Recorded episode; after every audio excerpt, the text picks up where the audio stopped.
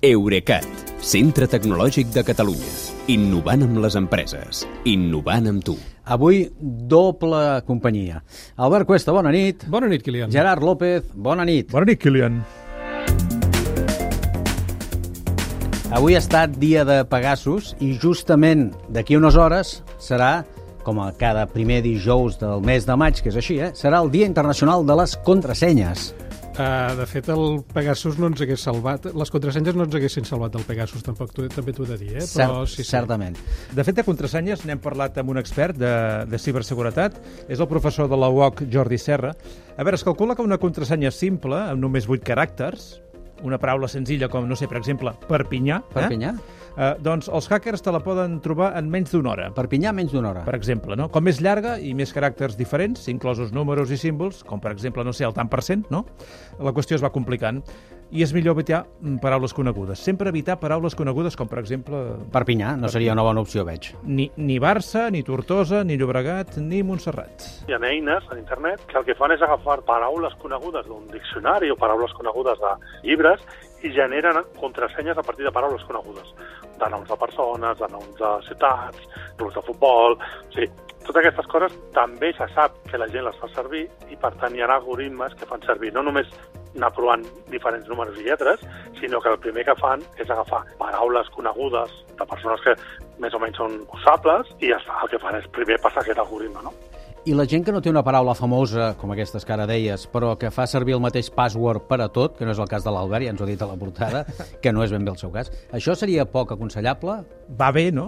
Perquè no hem d'estar memoritzant-ho tot, però clar, té un risc evident, que si t'enxampen, doncs eh, pensa que els hackers... T'ho enxampen tot, no? Sí, sí, i a més eh, publiquen en catàlegs il·legals a la Deep Web tot el que van trobant. I clar, a partir d'aquí els delinqüents tenen ja on poden agafar-se per craquejar-te la resta de passwords que puguis tenir. Hi ha una, unes adreces que estan amagades, estan xifrades, que no deixen de ser internet, el que passa que les has de trobar a través d'un altre navegador, que no és el de Google, per exemple. I llavors allà t'hi pots trobar doncs, el que vulguis, no? de packs de contrasenyes, packs de números de vises per poder comprar per internet, amb, amb la visa d'una altra persona, dades mèdiques, comprar, comprar carnet de conduir, carnet d'identitat, que poder comprar el que vulguem. Sí, perquè el que fan, el que fan és eh, això, quan eh, roben una pila de contrasenyes, no només les proven, les fan servir al lloc d'on les han robat, sinó les fan servir a tots els altres llocs on poden per veure si tu l'has reutilitzat. Reutil... Sí, les dues, el, el que diu el professor Serra, les dues pràctiques aquestes, una, re, eh, fer servir paraules que sortin en un diccionari i dues, reutilitzar contrasenyes, són eh, un, eh, és, és, cridar el mal, és cridar el mal temps. Molt bé, comença a quedar clar bastant el que hem de fer, el que no hem de fer, i acabarem fent el que no s'ha de fer, ja, ja sabem que la gent fa això, però és igual. Eh, també passa una altra cosa, moltes empreses ens fan canviar la contrasenya cada dos per tres, aquesta n'és una, sí, eh, una mica. I tant, i Albert? tant. I això fa molta mandra. Però... Sí, però és que és això, és la manera de que, mm, de que la contrasenya, si te l'arriben a robar, ja no, ja no els serveixi de res. Uh -huh. El que passa que, que la molta gent el, el, el que fem és allò, mantenir la mateixa paraula d'arrel, no? Sí. I al final hi vas afegint un Variacions, número més eh, no? darrere. Perpinyà 03, Perpinyà 04, Sí, sí. Perpinyà 05, no?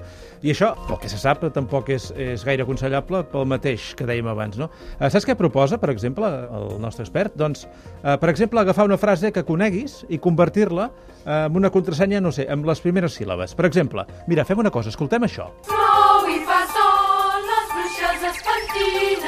Sí, és un hit, això, eh? La cançó Plou i fa sol. Plou i fa sol. I què hem de fer amb aquesta cançó? Les bruixes es pentinen, doncs convertir-ho en una contracció que ens pugui ser fàcil. Per exemple, no sé, pròsol brupen. Eh? Plou, m'entens? Agafes el plou... Sí, sí, sí. Doncs, doncs agafes plòsol brupen i poses un número pel mig, no sé, plòsol 22 brupen, no?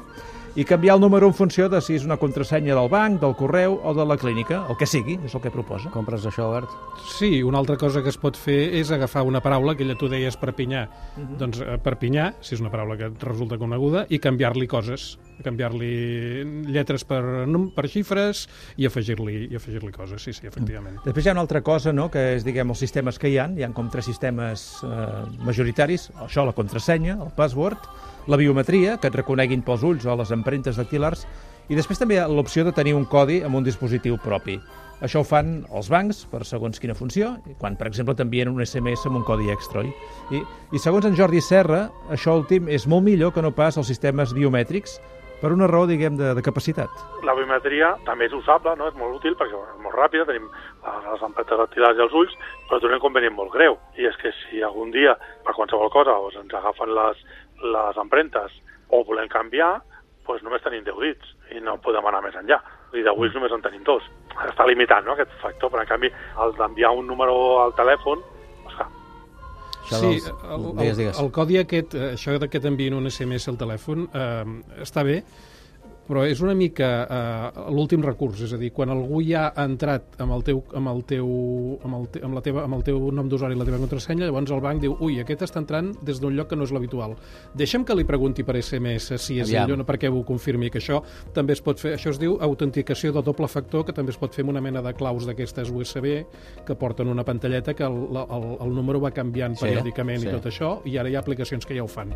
Uh, totes aquests, uh, aquestes propostes del professor Serra uh, són interessants. A mi, jo em faig servir una altra. Que... Aviam, si anem a la teva, anem a la teva. Aquella que deies que no sé quantes en tens i que no en recordes cap. No, Ens hem perquè, quedat així clar, una- Cuesta mètodes. El, el mètode Cuesta és, és el següent, és fer servir una clau mestra, un gestor de contrasenyes, que és una aplicació, bueno, de fet és un servei al núvol, que eh, el que fa és cada vegada que una, que un, que una web o que un sistema em demana que, em, que creï un, un, el meu compte, li dono el meu nom, nom d'usuari, i la contrasenya me la genera ell tan complicada com jo li hagi dit. Jo, jo les contrasenyes li dic, generem contrasenyes que siguin de, de 24 caràcters, que hi hagi lletres, majúscules, minúscules, símbols i xifres. Eh, Això és, eh, naturalment és, impossible de recordar-ho. Eh, n- n- sí, Imagina't una, si, si amb una, Impossible, amb una és, és, és impossible, imagina't amb més de, més de, de tres centenars com, com, com, com les que tinc jo. Uh, però clar, tant, ell ho guarda, ho guarda de manera xifrada al teu dispositiu, al núvol, i llavors hi pots accedir des d'aquella aplicació a diferents dispositius. O sigui, jo tinc un servei que hi accedeixo des del telèfon, des de la tauleta i des de l'ordinador. I cada vegada que jo entro en aquella web, ell em diu, escolta, identifica't amb aquesta aplicació, que ho faig amb el, amb el, codi- amb el, Amb el dit. empremta dactilar, i llavors ell va buscar quina contrasenya, quin nom d'usuari té guardats per aquella web.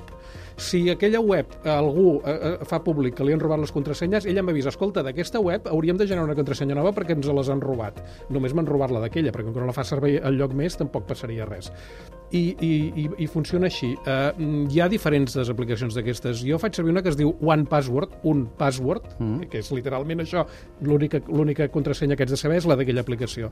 Però n'hi ha més. N'hi ha una altra que es diu LastPass, l'últim pas- l'última contrasenya, i una altra que fins i tot és gratuïta, que es diu Bitwarden, que està força bé també. Gerard, I no, no, ja està, són fiables, eh? Són... A mi no m'ha passat mai Pot passar que, res. quan, diguéssim. que quan te l'expliquen, te la proposen, ja algú estigui... Jo t'he de dir que, les, que naturalment jo he trobat contrasenyes meves amb llistes d'aquestes de la web fosca que m'han robat i totes són anteriors al, al moment en què vaig començar a fer servir aquestes eines. Mm -hmm. Doncs bé, la contrasenya, que és una eina fonamental en les nostres vides, la nostra és, seguiu escoltant la ràdio sempre que pugueu, i aquest programa en especial, tot junt, tot junt.